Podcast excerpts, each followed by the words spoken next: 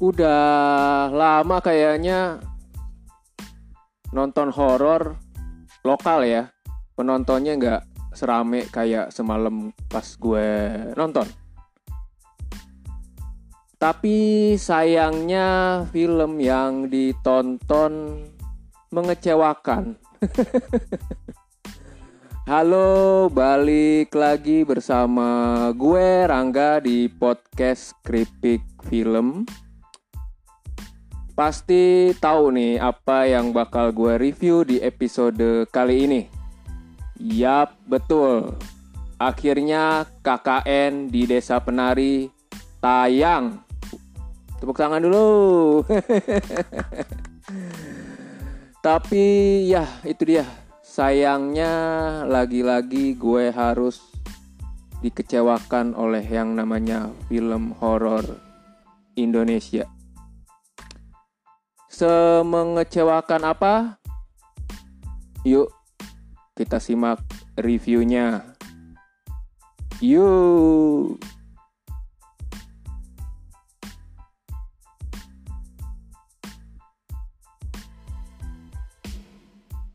Setelah hampir uh, dua tahun tersimpan dalam gudang KKN di Desa Penari yang tertunda tayang karena pandemi akhirnya resmi rilis di 2022 ini. Dengan status sebagai summer movie-nya Indonesia alias film lebaran untuk kembali mengangkat momentumnya yang sudah agak pudar meski nggak sampai 100% sih menurunkan animo penonton untuk mau menyaksikan film yang diadaptasi dari kisah yang dulu sempat viral di media sosial Twitter khususnya beberapa waktu silam maka untuk kembali menghypekan sekaligus mengajak orang-orang terlebih mereka yang emang doyan horor untuk berbondong ke bioskop. Dibuatlah strategi untuk menayangkan versi uncut atau bebas sensor. Berharap ketertarikan untuk nonton KKN di Desa Penari akan makin menanjak naik sebuah gimmick yang menurut gue ya nggak berpengaruh signifikan juga sih pada peningkatan kualitas berceritanya ataupun mengubah penilaian serta pandangan gue yang sudah semalam nonton duluan versi teatrikalnya karena angkat atau bukan horornya tetap jelek Aduh. Gue tuh kalau genre lain boleh lah. Jelek gak apa-apa. Kalau horor entah kenapa sebelnya bisa seminggu kayaknya. Gue termasuk yang berharap soalnya KKN di Desa Penari ini bakal jadi penyelamat perhororan tanah air yang sedang darurat film Dedemit Sehat setelah mental dan akal dihancurkan oleh film kayak Teluh, Iblis dalam Kandungan, Oma the Demonic, dan Makmum 2. Wajar dong apabila gue mengandalkan film garapannya Awi Suryadi ini untuk ngebalikin lagi harga diri film horor lokal. Walaupun gak sepenuhnya yakin Soalnya kalau diinget-inget sih emang betapa nggak konsistennya kualitas horor dari sutradara Sunyi ini. Well, setelah selama dua jam duduk di bioskop dengan kebanyakan memasang wajah manyun, gue bisa bilang ketakutan gue ternyata terbukti benar. Tapi bukan karena KKN tapi bukan karena KKN di Desa Penari berhasil menakut-nakuti. Yang mana adalah harapan gue untuk film yang dibintangi Tisa Biani ini. Sebaliknya, Takut kalau gue pada akhirnya bakal dikecewakan untuk kesekian kalinya di saat kredit menggulung.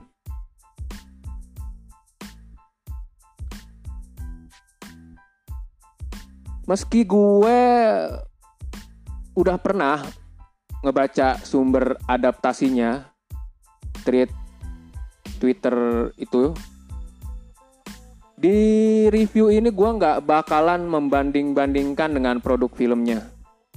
Lagi pula kayaknya gue pun sudah lupa sebagian besar isi cuitan si Simple Man tersebut. Jadi gue nggak hanya akan fokus pada hasil interpretasinya si Awi aja lah. Fokus ke filmnya aja lah.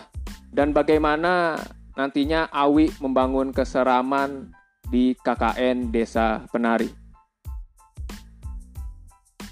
Sejak awal gue menginjakan kaki di desa terpencil jauh dari peradaban modern yang dikepalai oleh Kiki Narendra ini, udah terlihat kalau KKN di desa penari bukanlah horor yang murah. Produksinya bisa dibilang tak main-main dari visual hingga setting lokasinya yang menurut gue meyakinkan. Yap, tentu aja menjanjikan dan memiliki potensi yang besar untuk bisa menghasilkan tontonan horor yang serem-serem sedep. Tapi syaratnya harus mampu memanfaatkan segala aset dan sumber daya kengeriannya untuk menghadirkan adegan-adegan yang tak sekedar bergantung pada penampakan, tapi juga mampu memaksimalkan atmosfer nggak menyenangkan dari desa penari ini. Alangkah bijak jika judulnya kayaknya diubah aja lah jadi setan-setan di desa penari karena sedari awal Nur dan teman-teman mahasiswa ini sudah ditunggu oleh antrian makhluk tidak kasat mata yang akan mengganggu mereka. Bahkan nih sejak di hari pertama ya ampun.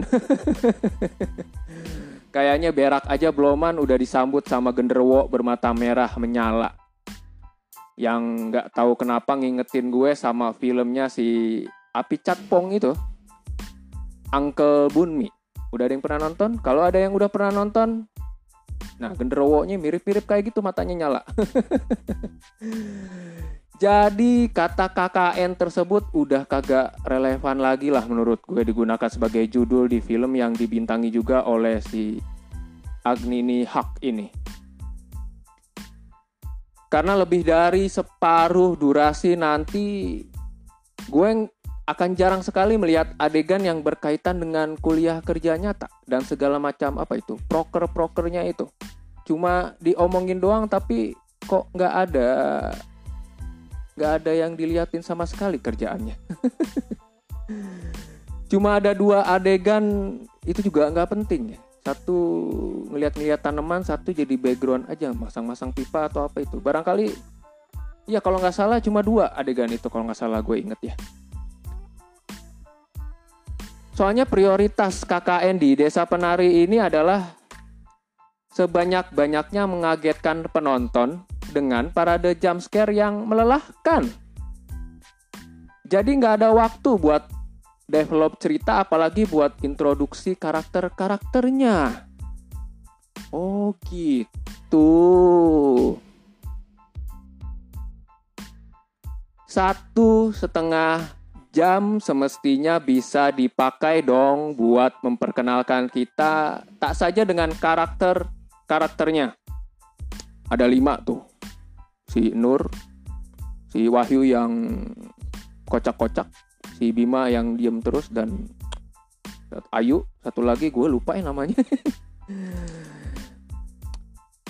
Ya, nggak hanya buat ngenalin karakter-karakternya, tapi juga mengajak penonton untuk jalan-jalan berkeliling untuk mendalami aneka mitos. Ya nggak sih, sambil interaksi sama warga, kan namanya juga KKN kan, harusnya kan ada adegan interaksi sama sama warga. Dari situ ada mungkin ada dialog-dialog yang nyebut mitos atau pamali nggak boleh ini nggak boleh itu kan jadi suasananya makin mencekam tuh dibangun dulu suasananya segala macam mitos-mitos yang melekat pada tiap sudut desa tapi kayaknya KKN nggak mau tuh repot-repot bercerita apalagi ngenalin karakternya Film horor menurut KKN yang penting harus dominan sama penampakan dan kerasukan. Jadi, persetan dengan storytelling. Lagi pula penonton gak butuh yang namanya cerita. Adegan-adegannya lompat macam sketsa yang gak saling berkorelasi pun bodoh amat. Sekali lagi yang diutamakan adalah penampakan. Kalau semua penghuni alam gaib alam gaibnya sudah dimunculkan, barulah giliran semua elemen non setannya dicemplungkan paksa di sisa 30 menit menuju ending. Capek men, lelah sekali. huh. Ya udahlah, mari nggak usah ngabisin waktu buat review KKN di Desa Penari ini. Terlepas dari bungkusnya yang mahal, dari visual hingga produksi, isinya tetaplah tak ada bedanya dengan film-film horor busuk yang sudah duluan tayang. Oh, sungguh mengecewakan.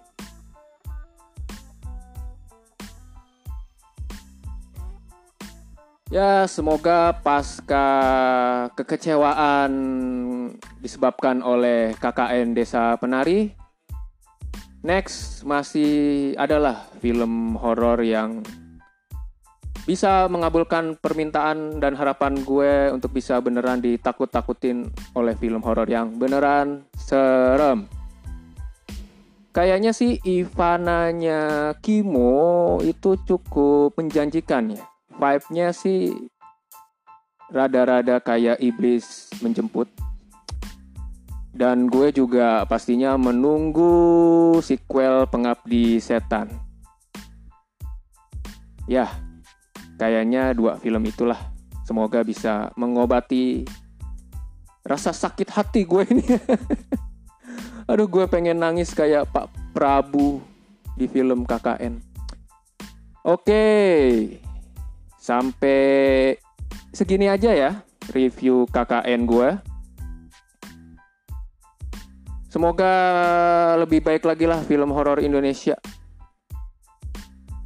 Gue pengen ngerasain lagi loh ditakut-takutin dengan penonton yang rame. Oke, okay, thank you buat yang masih mau mendengarkan ocehan gue di podcast Kripik film ini. Sampai ketemu di episode selanjutnya. Oh iya, sekalian gue ingin mengucapkan sebentar sebentar lagi kan Lebaran. Minal aidin wal faizin. Mohon maaf lahir dan batin kalau gue punya salah-salah selama ngepodcast. Akhir kata gue Rangga. Sampai ketemu Ciao, thank you. Yay, yay, yay.